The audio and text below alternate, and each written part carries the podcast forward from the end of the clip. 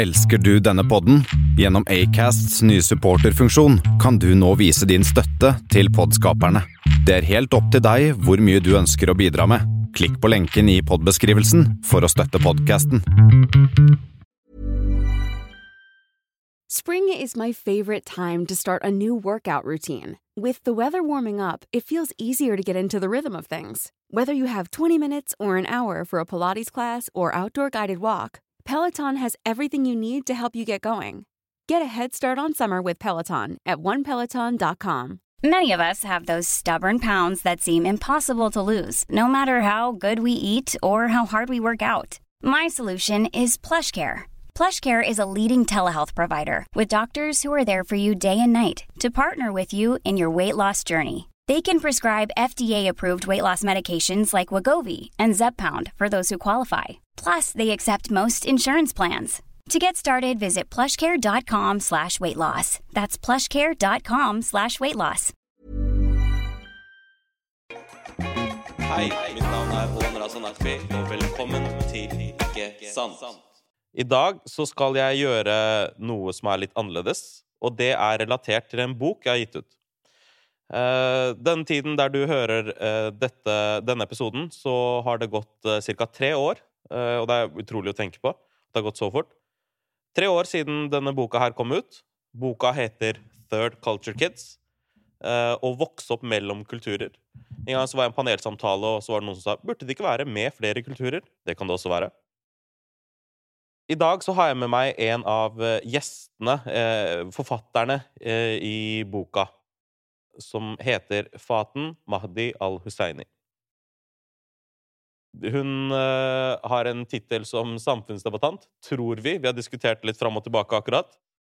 Men jeg er veldig glad for at uh, hun er her på besøk i dag.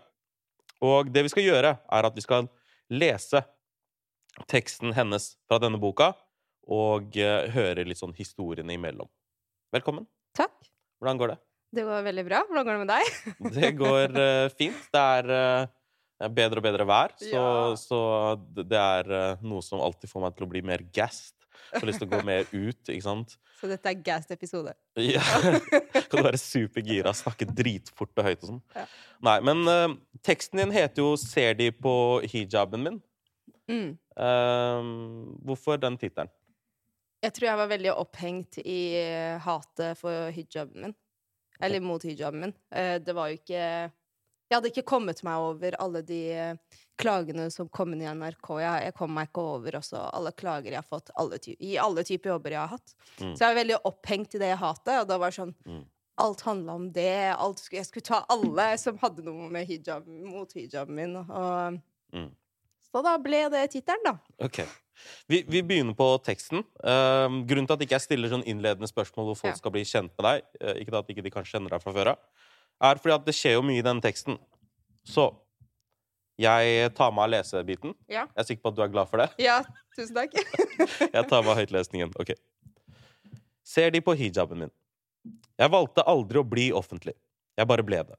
Den 25. august 2014. Da jeg og noen andre initiativtakere arrangerte en demonstrasjon mot IS og norske ekstremister. Den dagen holdt jeg min tale foran Stortinget for 5000 mennesker. Dagen etter ble jeg rikskjendis. Jeg har aldri hatt et ønske om å bli kjent eller offentlig, men jeg forsto veldig fort at jeg har to valg. Enten å bruke denne plattformen jeg har fått, til de kampene jeg tror på og vil kjempe for, eller la være å tenke hva om jeg tok mikrofonen? Så jeg tok mikrofonen og brukte min stemme i fire år, faktisk. Først mm. denne hendelsen fra 2014. Ja. Ehm, hva var anledningen? Hvordan skjedde det? Eh, det var foran Stortinget og mot ekstremister og IS. Eh, hva gjorde at du tok mikrofonen?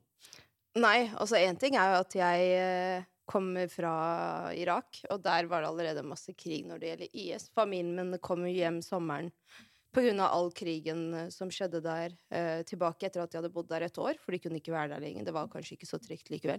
Um, men også ikke sant? Du hadde Profeten Summa den tida som hadde plattformen, eh, og media var så opptatt av dem og representere dem og vise dem fram. Fordi, ikke sant? Hvorfor ikke vise den siden av islam? Men så var det ingen som sa noe imot. Um, og det irriterte meg, fordi det var sånn Hallo, skal de bare få lov til å sitte og snakke på vår vegne? Ehm, da kan vi ikke klage på det heller. Og så så jeg at uh, de Jezeren hadde laget sånn eh, demonstrasjon. Og det var sånn rundt 178 mennesker, husker jeg var sånn påmeldt. Og jeg var sånn Jeg skal gå og si noe, fordi jeg er bare sint. og det er sånn jeg er. Um, og så ble det mye større, da. Og ble til den demonstrasjonen det ble til. Mm. Hvor gammel var du? 19. 19 år. Ja. Riktig. Eh, og da var du nettopp ferdig på videregående? på. Ja, jeg tok opp fag på Sonans. Neste Jeg skulle ha eksamen, og så Mm. skulle jeg reise ut av Norge og studere i utlandet. Ok. Eh, Hvor skulle du studere? London. London. Ja. Ok. Dro du til London? Nei. Kanskje det kommer fram i et annet Ja. avsnitt her. Men i hvert fall. Så det går um, Jeg tok mikrofonen og brukte stemmen min i fire år, faktisk. I løpet av de neste fire årene vokste jeg som faten. Som menneske og som minoritetskvinne. Det første jeg møtte på, var hat fra ekstreme muslimer, høyreekstreme og noen fra mitt eget miljø, irakerne. Jo flere meninger jeg hadde, og jo flere ting jeg sa offentlig, som knuste veggene som var bygd for meg som kvinne med minoritetsbakgrunn, desto mer hat møtte jeg. Jeg ble truet på livet flere ganger. Æresdrap. Jeg ble kalt skammelig, æresløs, hore, dårlig muslim, en flauhet for irakere. Dette hadde jeg aldri opplevd før. Ikke fordi at jeg ikke mente det samme, men fordi at jeg aldri sa det høyt. Jo mer motstand jeg møtte, desto høyere snakket jeg. Jeg ble fryktløs, som om jeg fikk energi fra de ekle kommentarene som jeg og familien min måtte leve med. Disse veggene som du snakker om, Mm. hvilke vegger var de? Det var alle de rammene på hvordan du skulle Hva det var å være en riktig muslimsk kvinne. Hva det var å være riktig irakisk kvinne. Hva det var å være riktig minoritet i Norge. ikke sant? Takk for at, vi, for at vi får lov til å bo her i Norge-type vegger og gå rundt med den takknemligheten. Og så eh, Du skal gjøre alt riktig innenfor de moskeen, i moskeen du går i. Du skal representere irakisk på den best mulige måte. Um, og det var aldri rammer som passa meg, egentlig, men jeg fulgte dem fordi Hvorfor orke den diskusjonen, liksom? Mm. Eh, hadde ikke energi til å bry meg, men nå hadde jeg en stemme til å faktisk Vet du hva, jeg, jeg, jeg kan ikke leve på den måten lenger. Og jeg tror ikke jeg hadde knust de veggene om det ikke var for hatet jeg fikk. Jeg hadde ikke, Hvorfor skal jeg snakke om det? Det er helt irrelevant. liksom. Folk får leve akkurat som de vil. Om det, vil, om det er på en annen, en, altså en annen livsstil enn det jeg har, det gjør ikke meg noe. Men å møte på så mye hat fordi du valgte noe annerledes Mm. det var ganske spesielt. Um, og jeg vet heller ikke til i dag hva det var som var så annerledes av det jeg valgte. Liksom. Det var bare sånn Nei, jeg vet ikke selv. Ja, jeg, jeg skjønner ikke. Jeg tror liksom det var uh, at jeg håndhilser, at jeg liksom reiser rundt alene. Um, jeg vet ikke, kanskje kortere klær. jeg prøver å Ja. finne ut av det, i hvert fall.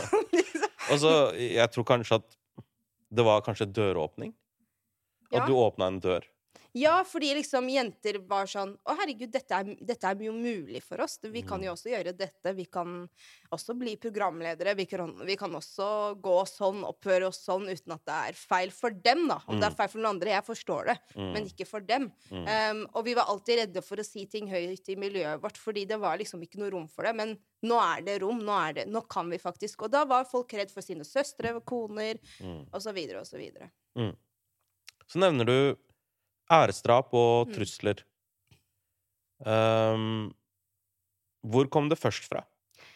Nei, vet du hva? Jeg flytta et år og bodde aleine. Mm. Um, og det var fordi jeg slet veldig mye mentalt, og så var det uh, masse trusler uh, mot meg. Og Mm. det var også en måte å beskytte min familie fra å måtte leve med politibeskyttelse. Liksom, Mm. og bare gå gjennom de truslene, da. Og da kom eh, noen mennesker og fant på at eh, jo, hun bor aleine fordi hun har barn utenfor ekteskap som hun skjuler, eller hun er gravid, og derfor har hun gjort det. Og, og det førte til liksom neste steg igjen sånn å, herregud, det her kan vi ikke tillate. Og så er det noen fra en eller annen slekt som er sånn herregud, vi må, vi må rense vår skam. Og så gikk det bare lenger og lenger og lenger, og så var det sånn vi må æresdrepe henne, ikke sant. Og det gikk helt til hjemmelandet, eh, hvor det var sånn Du bør egentlig skytes. Uh, Type diskusjoner. Så som er litt morsomt å le av i dag, fordi det er samme mennesker jeg henger med når jeg reiser til Irak i dag. Ok, såpass. Eh, ja. ja, fordi liksom De tenker også hvor teit dette var, fordi døtrene deres gjør akkurat det samme som meg. Ok, I dag, men I dag? Ikke, ikke da. Ikke da. Men i dag gjør de det samme. De går med samme klesstil som meg, og de gjør det samme. De kan også bo i andre byer for å studere. Det er null stress, ikke sant? Og de har Mm. kommet til den type tankegang, så plutselig er det greit, og da ler de litt av seg sjøl. Eh, men der og da var det jo ganske intenst. Hvordan eh, Det må jo ha satt dype inntrykk hos deg, da? Kanskje det er det som gjorde deg mer sint, egentlig? Ja, det er ingen tvil om at alt gjorde meg sint hele tida. Jeg, jeg er fortsatt sint i dag over masse, men, eh, men Men det som er problemet, er at liksom Jeg takler høyreekstremister veldig fint.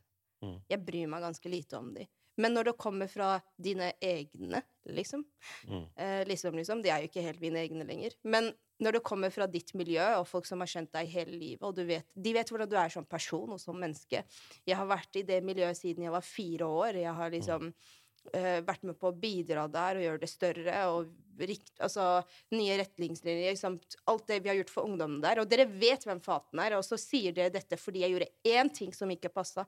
Og det var ingen, absolutt ingen, som noen gang tok kontakt med meg og sa Faten, hvorfor bor du aleine?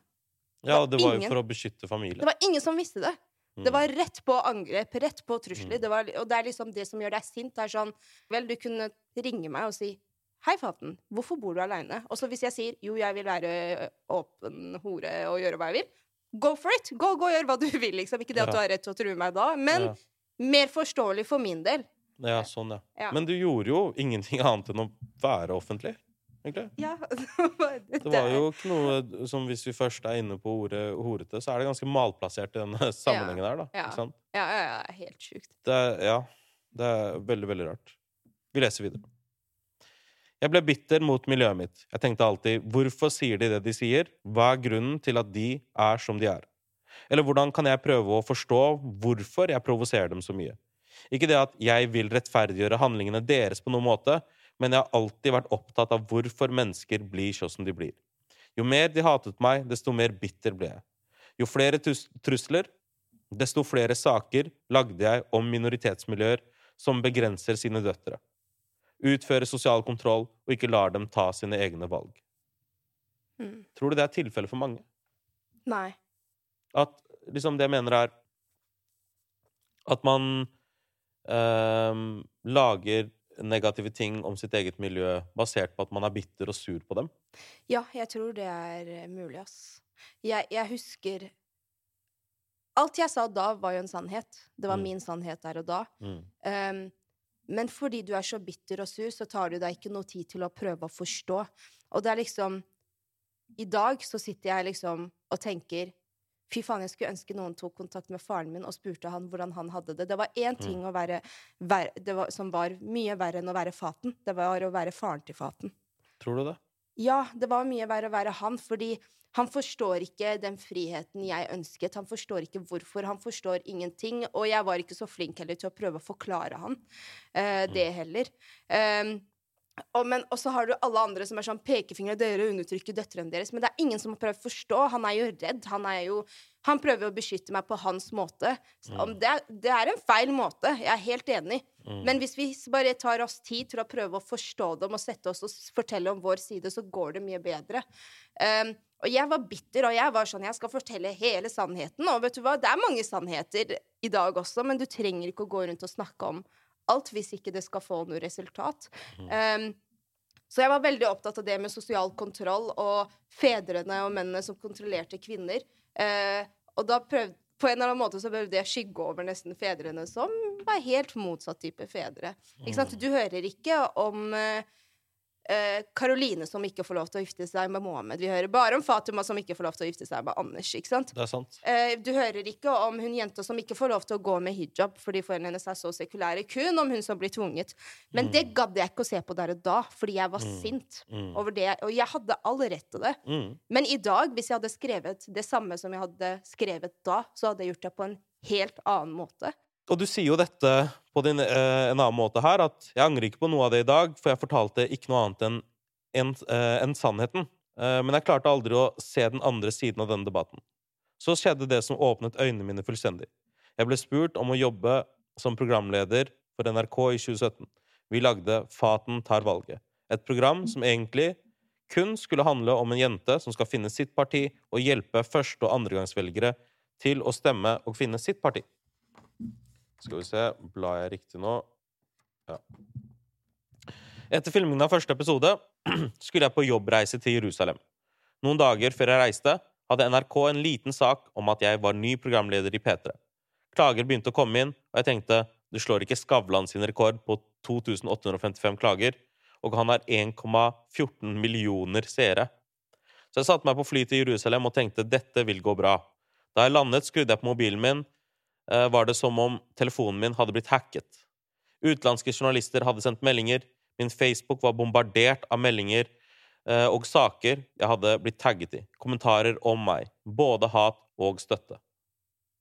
Da fikk jeg en telefon fra NRK som forklarte situasjonen, og at jeg burde holde meg rolig. Jeg slo av telefonen min og takket Gud for at ikke jeg var i Norge. Akkurat da følte jeg meg null norsk. Jeg mistet all tilhørighet til Norge. Jeg ble sint og gråt fordi jeg var så frustrert. Så hvis jeg husker det riktig, så var det eh, P3 som la det ut eh, på Facebook-siden sin Faten blir programleder. Det var alt de skrev, var det ikke det? Det var alt, og så var det liksom å stå på nrk.no, liksom, en nyhetssak. Det var liksom bitte liten nyhetssak. Faten blir ny programleder i P3. Mm. That's it. Det var Og- ingenting av showet som var vist engang. Og det var 6000 håndskrevne liksom på tastatur, da, men, men skrevne eh, Ja. klager. Så du, er det fortsatt Norges rekord? Ja. Det er det. Hell yeah! det er det, rekord jeg fikk! Men det er jo samtidig jævlig trist, da, Uh, ja. at det skjedde. Og jeg tror noe av det tristeste jeg tar ut av det, er noe som på en måte vi diskuterer litt den dag i dag òg. Dette må være norsk eller ikke. Mm. Du vet Nummer én så skjønner jeg ikke at hele den debatten skjedde uten at denne boka eller dette uttrykket er nevnt på noe som helst nivå. ja. Det fins jo forskning som forklarer at du trenger ikke å være det ene eller det andre, du kan være Mm. noe midt imellom. Aldri tatt stilling til. Istedenfor så har vi Abid Raja på en side, Mm. som sier at uh, ja, men nå går du mot det å være en del av samfunnet, Fawad. Og Mm. Fawad sier jeg kan fortsatt være en del av samfunnet. Og begge to har jo rett. Ja. Men spørsmålet er hva skjer med et menneske som gjør at den får lyst til å si at 'jeg er ikke lenger en del av dere'? Mm. Det er jo utstøtelse. Det er jo sånn Du sier 'fuck meg'. Nei, nei, fuck deg. Mm. Ikke sant? Det er jo litt den. Ja. Fuck alle. Ja, det er det det blir. Ja. Er det det du følte på den tida her sånn? Du følte, jeg følte liksom Å, herregud, jeg er en del av dette landet, bla, bla, bla. Jeg var så ung at jeg klarte ikke å tenke mer enn det. At takk, jeg er en del av dette landet. Jeg var så gira på at jeg var en del av dette landet. Um, og så, når du ble spurt som programleder Vet du hva jeg sa første gang de spurte meg? Når jeg hadde første møte med NRK, så sa jeg til dem Er jeg uh, utlendingskvota deres? Åh. Ja. Du dro den, dere. ja, altså, fordi jeg var sånn Hell no! Og de sa okay. nei, vi syns du er kul etter det foredraget du holdt, og derfor Ja. uh, vil vi spørre deg om du lager et program. Ja. Og det var så deilig å høre det. Fordi du var faten. Du var ikke liksom minoriteten eller utlendingen. Vi bare likte deg. Mm. Eh, og det er derfor jeg var sånn OK, da er jeg med på det. Fordi hvis de hadde svart du er en ja, vi prøver å dekke det også, så hadde jeg vært sånn Nei, jeg gidder ikke. Mm. Um, så når du lagde det programmet, så skulle For første gang så tenkte jeg nå er jeg alt annet enn en muslimsk jente med hijab. Jeg skal kun være faten, som er innenfor politikk og liksom interessere seg i et parti, og det var det, liksom. Mm. Um, og det var egentlig ikke det programmet vi skulle starte med. Vi skulle lage P3 sjekker ut. Men jeg, had, jeg sa jeg tror ikke jeg skal stemme i år, for det er ingen partier som er interessante. Så kom vi sånn Oi, men vi kan jo lage en sånn. Mm. Um, for det tror jeg var laget før også, så hvorfor ikke lage det? Og det er liksom valg nå. Um, så jeg, før de la ut det der, eller når de la det ut, så var jeg i Oslo når de la ut uh, Fatten blir ny P3-programleder. og da fikk vi rundt sånn 900 klager. Og det stakk meg i hjertet, men så sa de men slapp av, da, du slår ikke rekorden til Skavlan. Og jeg tenkte nei, du kan ikke slå rekorden til Skavlan, liksom. Ja. Um, hvorfor skal du slå rekorden til Skavlan? Det gir jo ingen mening. Ehm, men når du forstår at En ting er at du har slått rekorden, men dette handler ikke om at du er en dårlig programleder. Skavlan fikk klage fordi han var en dårlig programleder. Altså, han stilte Mm. dårlige spørsmål i hans episode som ikke var etisk riktig å stille. Mm. Men det handler ikke om at du er en dårlig programleder. Det handler ikke om at det var et dårlig show, for det var jo ikke vist ennå. Vi har ikke premiere på det Det var ikke noen trailer, det var ikke shit. Det var ingenting. Mm. Det var kun fordi du var den du var. Mm. Og det var kun fordi du hadde på deg et hodeplagg som var hijab. Og fordi man hater islam. Og da var jeg sånn Fy faen, det er prisen Mm. Det er prisen for å gå med hijaben. Altså, jeg vet at prisen er hat. Jeg, hat. jeg hadde trusler for hijaben min før det, men dette var mye sterkere enn noen, noe annet, fordi det var sånn Fy faen, de, dere tåler meg ikke på TV-en deres. Mm. Men dere tåler meg holde foredrag, dere tåler meg ta den harde jobben.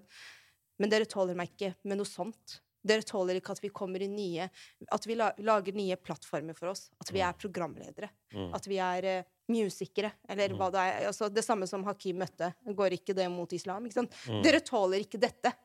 Um, Det, det var vel Arshad. uh, God morgen, Norge. ja. Det var Arshad som opplevde det. Var det Arshad? Ja, Arshad. Å, jeg har ikke brukt det i sangen sin. Get parasitt. Sorry! Ja, han er vel en referanse Ja, til det. da. Sorry, Arshad. Men kan hende Hakim også opplevde det. Ikke, Jeg vet ikke, jeg har sagt- hørte bare Listhaug sin stemme som sier det. Så Ja, okay. i Get Parasitt-sangen. Ja, ja, riktig, riktig. Men så tenkte jeg liksom Takk Gud jeg ikke er i Norge. Fuck det å være norsk. Fuck dere alle sammen. Mm. Um, hva faen er det å være norsk? Det er, du er jo norsk inntil. Mm. Det er jo det. Du har kriterier og vilkår på hva som er riktig å være norsk. Jeg er ikke med på det. Mm. Um, og så Ah, Faen, altså. Så kommer du hjem i Norge, og det var liksom Russland ringte, eh, New York Times ringte, Le Monde fra Frankrike. Altså, det var helt sjuke saker. Sverige, Danmark og én ting er Norden og Europa. Men du hadde ja, Emiratene ringte, palestinske TV-greier skulle snakke om det. Alle var satt ut over hva skjedde med lille Norge. Hva skjedde med Hva er den reaksjonen? Seriøst? Det Ja, her det var- visste jeg ikke. Ja, det her er helt sjukt. Og jeg var sånn Hva faen? Hvorfor dette? Fordi hva skjedde For det første tror jeg jeg var den første Jeg er ikke sikker, men jeg, hvis jeg husker riktig, så jeg var den første programlederen i Europa med hijab. Og Norge, det demokratiske Norge, hvorfor klikker dere over henne? Mm. Så grovt, liksom. Um, og så sa jeg jeg skal ikke gi noen intervjuer til noen. Jeg skal kun gi til NRK, så får dere velge én avis. Jeg gidder ikke å snakke om dette. Jeg skal lage et valgprogram, og det er det eneste det skal handle om. Ordet hijab skal ikke bli brukt i programmet mitt. Det er helt uinteressant. Jeg skal kun stille de spørsmålene jeg har lyst til å stille de politikerne, og det er obviously hva syns du om meg med hijaben. That's it. Mm.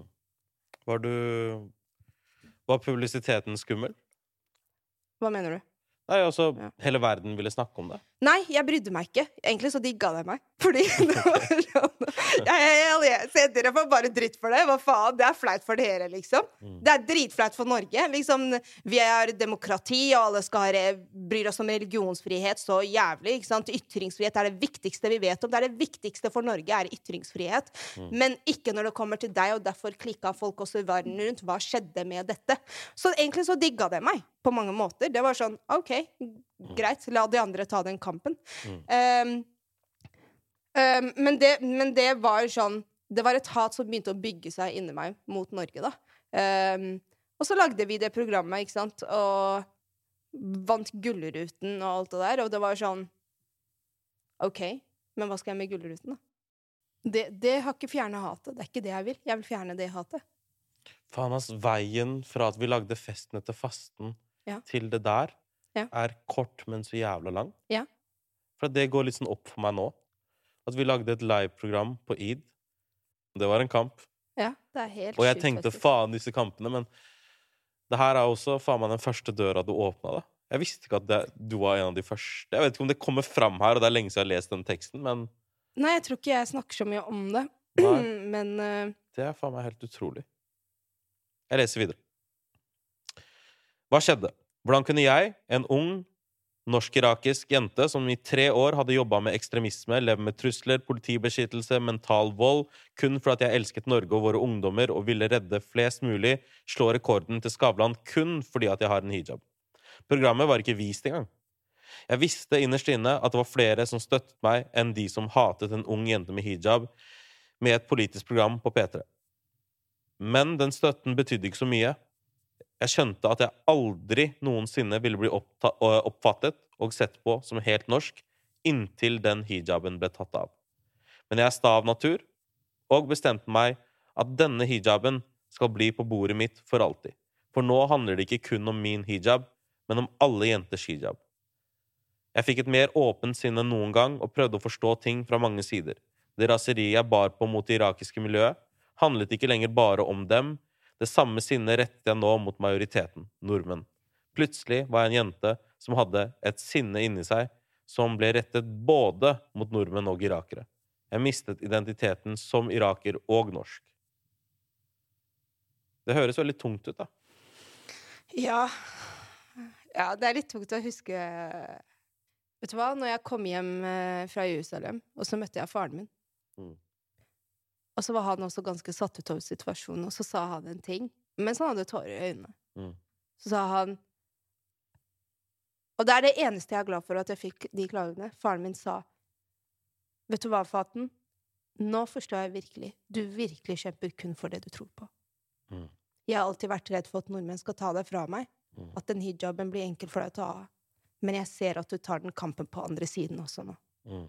Og derfor forstår jeg alt du har gått gjennom. Jeg forstår at du har gjort feil, og jeg forstår at du virkelig har ikke liksom, prøvd å si noe annet til meg enn 'Jeg lover, pappa, jeg kjemper kun for det jeg tror på'. Mm. Og jeg bryr meg ikke. Mm. Og det var liksom et av de viktigste øyeblikkene mine, da, er at faren min liksom forsto at uh, du skulle ikke miste dattera di, men dattera di ville leve et, liv som er litt av det og litt av det. Og han skjønte det, for han var jo redd. ikke sant? Tenk om hun skal ta av seg ikke, sant? ikke det, Jeg tror ikke det er liksom verdens biggeste deal for han, men liksom, skal hun miste kulturen og troen sin og så bli helt en del av dem og miste alt vi har lært henne? Mm. Og han forsto da at nei, det kommer ikke til å skje. Mm. Men det hatet jeg fikk, det er sjukt, fordi jeg jobber med den fortsatt. Uh, Fra nordmenn. fra, fra nordmenn.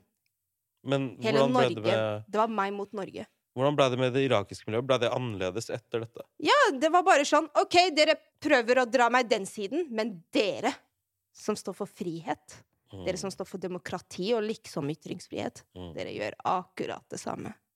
Så du følte det var deg mot eh, resten av Norge? Ja, og en gang så Det der er så sjukt. Hvis jeg finner han mannen, så har jeg lyst til å Hvis du hører på dette, så beklager jeg. Så var det en mann som så på meg. Jeg var på, sto på Nationaltheatret ved Fontenen. Så var det en mann som så på meg, og jeg var sånn Hva er det du stirrer på, din jævla dritt? Er det hijaben min? Har du problemer med den? eller?» Jeg bare, bare Wow, klikka ok. totalt. Ja. Og han var sånn helt satt ut og gikk videre, liksom. Han, han tror jeg bare så på meg som han så på alle andre rundt, ikke sant. Ja. Eller kanskje han kjente meg igjen, eller sånn stakkars lille jente med hijab som uh, fikk alle de klagene. Ja. Klikka helt for meg. Mm. Det var sånn, Alt handla om hijaben min. Det eneste du, grunnen til å se på meg, er hijaben min. Du hater meg pga. hijaben min. Alt var sånn hijab, hijab for meg. Mm. Disse mentale tingene som du snakker om, er det dette det stammer av? Ja, altså Jeg var bare 19 år når alt det hatet kom. Jeg hadde ingen eh, Det er det som er litt problem, problematisk med å bli offentlig som minoritet i Norge. Du har ingen rådgivere. Du har ingen som kommer til å ta hånd om deg. Det er ingen som forteller deg hvordan det gjøres. Ingen forteller deg om at eh, du har rett til å be om eh, sitatsjekk en gang. Ja, Um, ok, du visste, ja, dette er ting du ikke visste. Du blir ikke fortalt det. Nei, du blir ikke fortalt det, og du blir misbrukt av den og den og den og den. og den, og, ikke sant? Det er ingen som gir deg opplæring i hva det er å være offentlig. Det er en ganske tung jobb, og du takker ja til alt, for du er redd for å si nei. Ingen sier til deg 'det er lov å takke nei'. Så du er helt aleine om det, og det hatet er du også aleine om, for du har ikke et støtteapparat. Um, og det er det som gjør det liksom og da selvfølgelig ble jeg mentalt syk. da Jeg ble jo bare mer og mer deprimert. um, og mer og mer sliten og syk. Og hadde masse pro helseproblemer. Um, men det ble jo aldri bedre, da. Det ble jo bare verre og verre og verre. Til, til og med når du fikk støtteapparatet, så ble det bare verre. Fordi sannheten er det er du som går hjem med de tuslene og det hatet. Mm. Og de kommentarene. Mm. Og de blikkene ute, eller den spyttinga. Eller hva det måtte være. da Det er du som går hjem med det. Når du sier at du fortsatt dealer med det, hvordan da? Jeg har jo ikke, det har vært koronatid, da, så jeg har ikke sagt så mye ennå. Men jeg vet så fort jeg sier noe, så kommer jeg til å få noe dritt. Eh, hvis ikke det er høyreekstremister og co., så er det liksom eh, muslimer som skal ha noe å si på at en eller annen ting altså er feil. Eh, så jeg liksom Jeg har jo ikke laget noe ennå nå. Jeg har ikke sagt noe offentlig. Derfor er det litt stille rundt meg. Jeg venter jo bare på at det skal komme noe. Men gir det deg mindre lyst til å gå ut og si ting? Eller skape ting? Helt ærlig, ja. Ja. Men uh, stavfaten er sånn Fuck det der, da. Du har allerede vært igjennom det. Du har, uh, hvor mye verre kan det bli? Det verste som er for meg nå, er at han skyter meg, bare. Og så Mm. dreper han meg virkelig, liksom.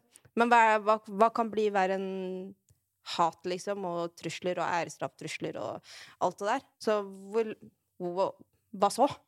Mm. Hva er verre enn det? At du skal skyte meg? Ok, greit, da. Da, da, da er det det verste, da. Jeg tror klimaet har blitt uh, ganske Ikke nødvendigvis sånn drastisk annerledes, men at takhøyden har økt litt, da. Tror du det? Eller er det ikke, færre kanskje- som tør å si noe nå? Hvor mange minoritetskvinner sier like mye som du pleide å si før? Jeg føler folk Kanskje det er bare jeg som ser flere. Mm, Jeg vet ikke om jeg ser flere muslimske jenter, men jeg ser flere kvinner. mm, Uh, flere som gir ut uh, bøker, flere som forteller historiene sine. Flere som er på TV, flere som ser liksom, Og det har jo litt med hashtag mangfold, ikke sant? Ja. For uh, alle disse TV-kanalene og avisene, de skal ha med Ja. mangfold inn. Så kanskje jeg ser det i et positivt lys på grunn av det. Ja. Men i øynene mine så kanskje at det har blitt litt bedre. Men må ikke vi løpe rundt bordet ti runder fortsatt for å få en plass der? Jeg tror nok at uh, vekk fra noen veldig eksponerte ansikter, så Mm. i en vanlig arbeidssammenheng så har du helt rett. Ja. At det antageligvis er vanskeligere. Men jeg, det er jo fortsatt en liten side av meg som håper at alt det vi gjør og sier, har Mm. noe å si for folk. da, Det tror jeg det har. Hvis du skjønner? At liksom sånn Det å si at det ikke blir bedre, vil si at ingenting vi gjør, hjelper. Mm. At, at alle initiativer, alle historier, alle vitnesbyrd ikke hjelper. Jeg tror det hjelper. Mm. Jeg bare tror det tar lang tid å forandre på det. Og jeg tror at Og det er jævlig kjipt, men det er litt sånn som da jeg gikk på videregående. Vi planla den nye videregående skolen som de skulle Ja. bygge. Og da vi var ferdig, så bygde hun den. Ja. Så vi fikk aldri bruke den. ja? Men bra for de kidsa, I Ja. guess, som fikk den nye skolen. Ja. Men jeg, jeg, jeg skjønner hva du mener. Man må fortsatt løpe noen ekstra mil. Man må det. Det er bare at jeg skulle bare Akkurat nå så tenker jeg bare at det å ikke måtte leve med politibeskyttelse etter man blir offentlig, Ja. er å ha kommet videre. Absolutt. Et- et Helt enig. ikke Helt enig. Helt enig. Vi går videre.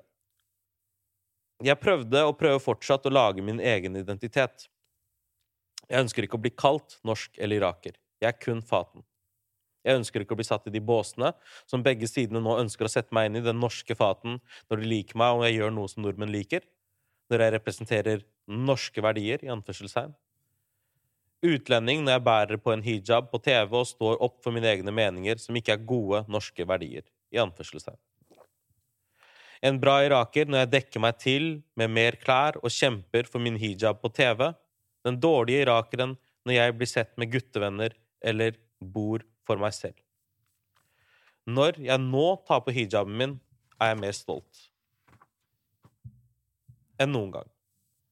Men jeg er også mer bevisst på den. Før tok jeg den på og gikk ut, og jeg tenkte ikke noe over den. For jeg visste at jeg var mye mer enn det. Jeg er en frekk, kul, morsom, brutalt ærlig, gal, omtenksom og sterk jente. I dag tenker jeg, ser de på hijaben min? Jeg føler at alle bryr seg om den og har fordommer mot den. Kanskje vil de dra den av meg og forsøke å fjerne min identitet. Innerst inne vet jeg at ikke så mange vil det. De fleste gjør det faktisk ikke. Så hva definerer du deg som, da? Oh, Har du funnet en definisjon? Nei, jeg er bare faten, altså. Jeg Ja. tenker det trenger ikke å være noe mer avansert enn det, og så er det godt nok for min del. Altså, hva er faten? Faten er mye. Eh, Blant annet en jente, muslimsk jente med hijab. Men jeg er også mye annet. Jeg er frekk, og jeg er kul, og jeg er morsom, og jeg er dum, og jeg har blonde moments, og jeg er klovnen i gjengen, og jeg er mye annet og smart. Det er liksom Jeg trenger ikke å være jeg orker ikke å bli satt i, i det derre iraker og norsk og sekulær eller religiøs eller Det orker jeg ikke mer. Det får bare være med meg sjøl. Det er det ingen som trenger å bry seg om. Egentlig, det har ikke noe med noen å gjøre. Mm. Det er en veldig personlig ting. Um, men er det, er det tungt? Skulle du ønske at det var en gruppe som du kunne på en måte, tilhøre? Ja. Ja, ja, ja. Det, Er det det, et tror behov? jeg er liksom eh, Det tungste med hele det opplegget, eller hele den tiden jeg har vært offentlig, er at det var ingen å gå til. Mm. Liksom, det var Det var ikke en religiøs skikkelse jeg kunne gå til og snakke om tingene uten å bli dømt. Det var ikke noen fra mitt miljø jeg kunne si ting som det er. Og selv om de er uenige, men bare liksom forsto meg. Så som du sier, det burde vært en veiledning for unge mennesker som skal ut i offentlighet, som har en annen identitet, og kan møte på en majoritet som kommer til å kanskje prøve å true dem, og ikke få politibeskyttelse når det er sånn Oh shit, vi må nå. Mm. Jeg leser videre. Jeg har alltid vært opptatt av demokratiet og glad over å bo i et demokratisk land, men nå føles det ut som at det er et falskt demokrati. Det gjelder alle juridisk, men hvor mange gjelder det egentlig i praksis? Vi, med norske verdier, kjemper for kvinnen som blir tvunget til å gå med hijab fordi det er valgfrihet i det demokratiske Norge. Men hvor mange vil kjempe for kvinnen som blir tvunget til å ta av hijaben? Vi med norske verdier kjemper, med, kjemper, for den unge minoritetsjenta som skal få lov til å ta med en etnisk norsk gutt hjem og si 'jeg elsker ham'. Fordi innen demokratiet har alle rett til å velge hvem de elsker. Men hvor mange kjemper for den etnisk norske jenta som tar med en utlendinggutt hjem, og hennes rett til å si 'jeg elsker ham'? Vi med norske verdier kjemper for dem som velger å gå ut av islam og bli eks-muslimer, men hvor mange vil kjempe for dem som konverterer til islam? Vi nordmenn kjemper for våre norske verdier, valgfrihet, retten til å elske og retten til frihet. Men handler ikke frihet om å bekjempe med, øh, Om å kjempe for ting vi ikke liker også? Handler ikke frihet om valgfrihet? Om valget mellom å gå med eller uten hijab? Eller valget om å gå ut av islam eller konvertere til islam? Når jeg får kommentarer som 'du er norsk, men bare om du går uten hijab', eller når jeg leser kommentarfelt 'hun er så smart og flink, gi henne en sjanse', hun vet ikke noe bedre enn å gå med den hijaben. Ja, da stikker det i hjertet. For når er man god nok? Hvor mange generasjoner må til før vi blir kalt norske? Vi vil, eh, vil vi egentlig bli kalt norske irakere, afghanere, gambiere, pakistanere, somalere, polakker? På premissene til nordmenn, irakere, afghanere, gambiere, pakistanere, somalere og polakker. Kanskje vi bare trenger en generasjon som viser fingeren og sier 'vi lager vår egen identitet'. Mm. Det er lenge siden jeg har lest det her, ass. Jeg skjønner at du holder taler, ass, Faten. Jeg tror jeg har ikke lest det sjøl på dritlenge. Hva føler du når du hører det her? Jeg føler det er like relevant i dag, ass. I hvert fall det siste der. Det er det. Ja. Fy faen, altså bare Ikke sant? Vi vil eh, Vi snakker om kan ikke alle gå i pride? Ja, ja, ja. Fy faen. Let's go. Mm. Men vil alle gå i tog for meg? La oss gå for free the tits. Vil alle gå for jenta som vil gå med hijab? Mm. Um, hva er frihet hvis frihet kun gjelder deg? Hva er frihet hvis frihet er kun din måte å være fri på? Og det er liksom det som irriterer meg. Vi kjemper for en frihet, men vi kjemper for vår måte å være fri på. Mm. Hva skjedde med å få lov til å være fri på din måte? Jeg trenger ikke å like ånd sin måte å være fri på, Mm. men jeg må faen meg gå tog for han fordi han skal få lov til å være fri på hans måte. Mm. Hvis ikke du kan det, så kan ikke jeg det. Hvis de får lov til å være fri, så får jeg også lov til å være fri. Selv om vår måte å være fri på er helt to forskjellige. Men vi er nødt til å kjempe for hverandre, fordi vi kjemper for å få lov til å være hvem vi er. Og hvis det er free the tit, så er det også på med hijab. Men jeg går ikke 8. mars-tog kun for én ting. Jeg Mm. nekter. Hva er kvinnedagen hvis kvinnedagen skal handle om kun én type kvinne? Mm. Hva er det for noe? Hva slags bullshit er det her for noe? Hvis i Norge snakker om ytringsfrihet og religionsfrihet, så må jeg beskytte like mye gutta som går ut av islam, eller de som velger å gå ut av islam, like mye som beskytter de som går inn til islam. Da må vi beskytte de som velger å være sekulære muslimer, men også de som prøver, også velger å være konservative muslimer. Hvorfor er det galt å være konservativ muslim?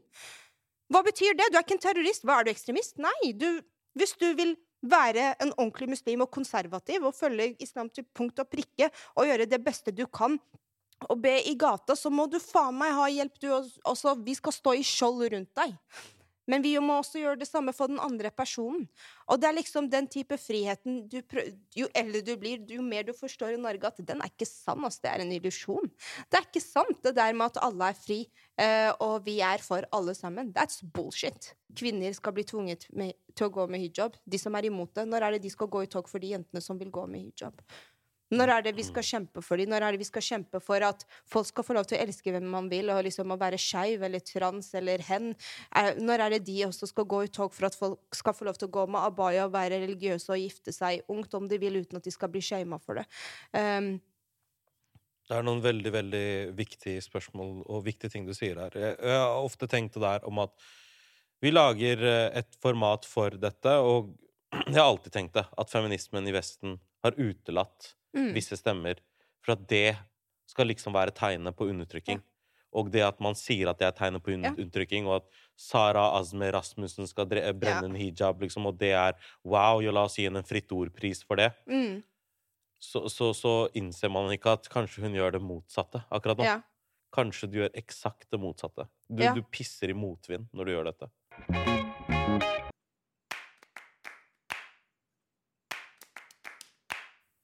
Føler du at du kan noen gang på en måte tilgi både miljøer som For meg så høres det ut som at du fortsatt er sint på det norske samfunnet, eller Norge. Eh, Skuffa, kanskje. ja. Og, og, og det jeg lurer på, er Vil det være et punkt hvor du liksom kan tilgi det? Og tenke at det var voksesmerter? Den dagen de som later som at de bryr seg om mangfoldet, Mm. virkelig bryr seg, ikke bare later som fordi det er woke, og det er alle snakker om det nå, Mm. da er jeg med på det. Den dagen vi inkluderer alle i frihet, om jeg liker deres måte å være fri på eller ikke, er den dagen I'm good med Norge. Mm. Inntil da, bullshit. Vi snakker om demokra vi snakkes demokrati. Hva da? Om ti år? Mm. Høyreekstremisme vokser. Så let's see. Jeg vet ikke. Jeg vil ikke. Jeg bryr meg ikke. ikke. Hvis du står opp nå og sier Hvis det går et tog nå her, Mm. og går for jenter med hijab, og det toget ikke går for jenter som ikke vil gå med hijab, fuck it! Det er ikke det jeg vil. Mm. Jeg vil at de skal gå for hverandres tog. Mm. Det er det eneste jeg ber folk om. Kan vi gå for hverandre? Kan vi bare gjøre det? Fy faen. Mm. Da, da tror jeg Da er jeg sånn, fy faen, Norge, jeg er norsk. Inntil da, nope. Mitt take på det Jeg føler jo at jeg bor på det stedet hvor jeg har det litt lengre strået Mm. enn det du har i mange andre land. Ikke sant? Du kan se på Polen, se på ulike Absolutt. land rundt omkring i Europa, og der er det ikke snakk om å bli programleder heller. Liksom. Mm. Der er det ikke snakk om å bli sluppet inn i lokalene. Det, er- det er ikke Mm. snakk om. Sånn sett så føler jeg at det har blitt tatt mange steg i riktig retning. Mm. Og for min del så føler jeg at ehm, hvis jeg skulle velge et sted å oppdra mine barn, så har jeg tenkt at det stedet er Norge. Mm. Grunnen til det er på grunn av mine egne opplevelser av det. Ja. Fordi at jeg har en sånn tanke, da.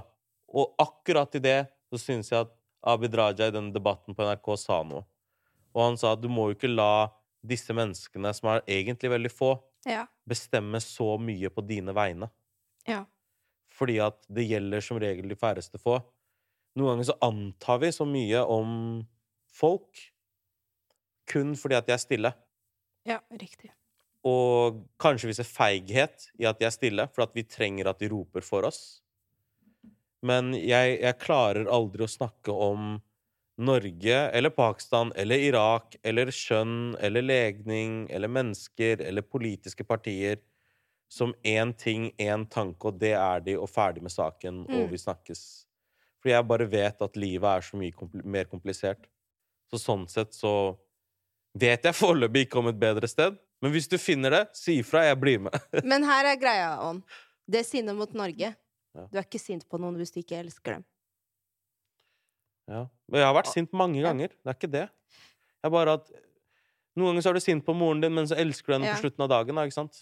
Og det er liksom det jeg føler med Norge. Ja. At jeg er sint på Norge fordi jeg egentlig elsker Norge.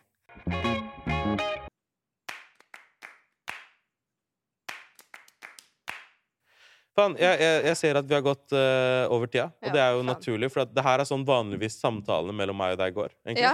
Sånn når vi vanligvis møtes. Jeg føler at vi har hatt en samtale veldig uavhengig av disse mikrofonene, med mindre deg leste det. Vi burde Men- egentlig ta det opp hver gang, vi. Ja, egentlig. Altså. Egentlig. Jeg setter jævlig pris på at du har tatt ut tiden, at du er såpass åpen og ærlig, og alt det du har gjort til nå, og at du er med i denne boka. Det, det beriker denne boka her på så mange ulike måter, Uh, og jeg er veldig glad for det. Og eh, takk til deg. Takk til det du har gjort for miljøet. Takk for den boka. Den trengte vi. Oss. Det er bare et speil, egentlig. Så det er egentlig de folka som er inne. Men istedenfor at vi skal lage sånn evig takkesirkel, Ja, ja. takk til dere som lytter, og vi ses neste uke.